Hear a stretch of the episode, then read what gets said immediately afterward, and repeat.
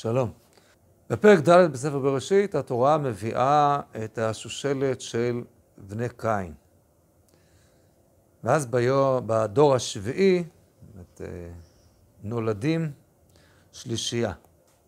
אולי לא שלישייה מדויקת, כי יש פה שתי אמהות שונות. ותלד עדה את יבל, הוא היה אבי יושב אוהל ומקנה. ושם אחיו יובל, הוא היה אבי כל תופס כינור ועוגב. וצילה גם היא ילדה את תובל קין. לוטש כל חורש נחושת וברזל. יש לנו כאן שלושה בנים, יבל, יובל ותובל קין. טוב, כל אחד שם לב כמובן לדמיון שיש בצליל של השמות שלהם.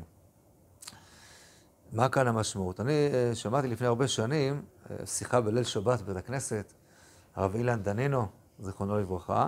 קצת אה, נרחיב במעט את הדברים, את היסוד שמעתי ממנו.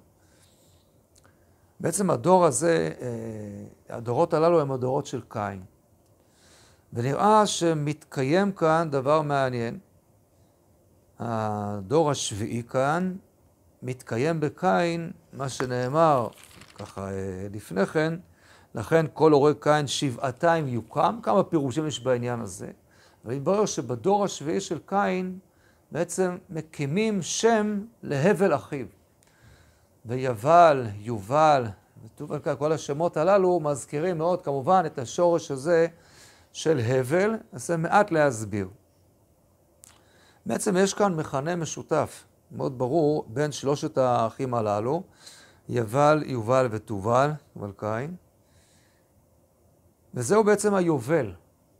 היובל, מה פירושו של דבר יובל? היובל הוא העיל, למשוך בקרן היובל. לפעמים התורה כבר מקצרת אותו במשוך היובל.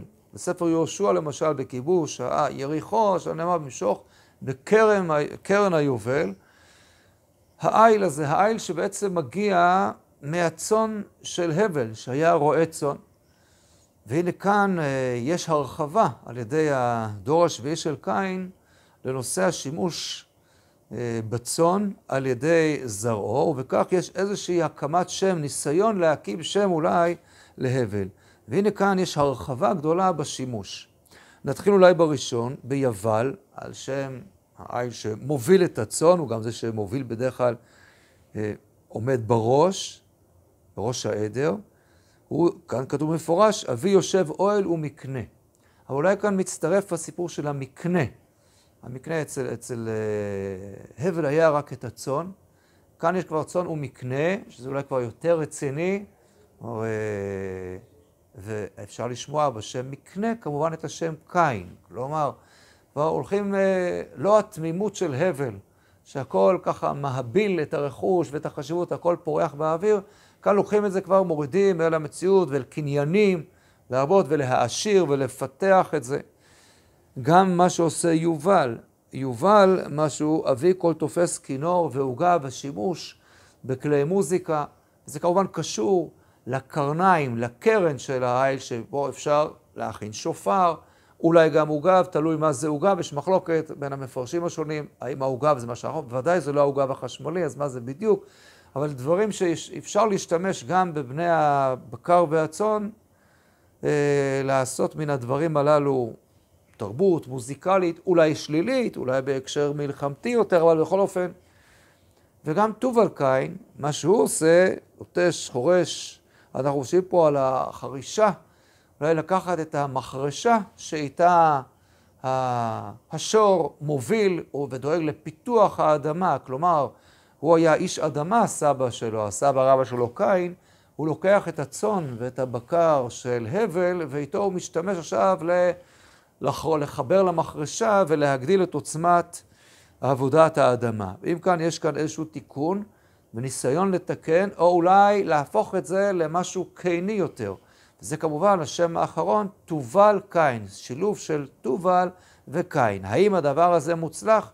לא בטוח, מכיוון שהעולם כאן נופל בכל הסיפור הזה של ההבל של הבל, הבל עצמו, וכידוע שמכל השושלת הזאת של קין גם לא נשאר שום דבר. הדים לכך אנחנו מוצאים בשני החטאים הגדולים של העולם, דור המבול, מי לא שומע במילה מבול שוב את השורש הזה של הבית והלמד של הבל, וכמובן דור הפלגה עם מגדל בבל, שוב אנחנו חוזרים לאותו עניין, יש כאן איזושהי נפילה כאשר העולם חי באיזשהו הבל גדול ולא נותן לו את התוכן הנכון.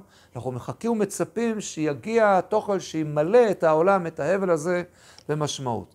אולי אם נרחיב לסיום את הסוגריים האלה בצורה יותר רחבה, הרי הבית והלמד הזאת של ההבל, של יבל, של יובל, של טובל קין, מבול ובבל, הם בעצם המסגרת של התורה כולה. התורה פותחת באות ב' בראשית, ומסיימת בלמד הזאת של עיני כל ישראל. זוהי המסגרת. אם לא ממלאים אותה בתוכן נכון, אנחנו נשארים רק בהבל שפורח באוויר. והתפקיד שלנו לקחת ולמלא את העולם הזה באמת אה, בתוכן רוחני עמוק, ואז הבל הופכים לל"ב נתיבות, חוכמה, שמהם בעצם מוצאים את הנהגת השם ותיקונו בעולם. עד כאן.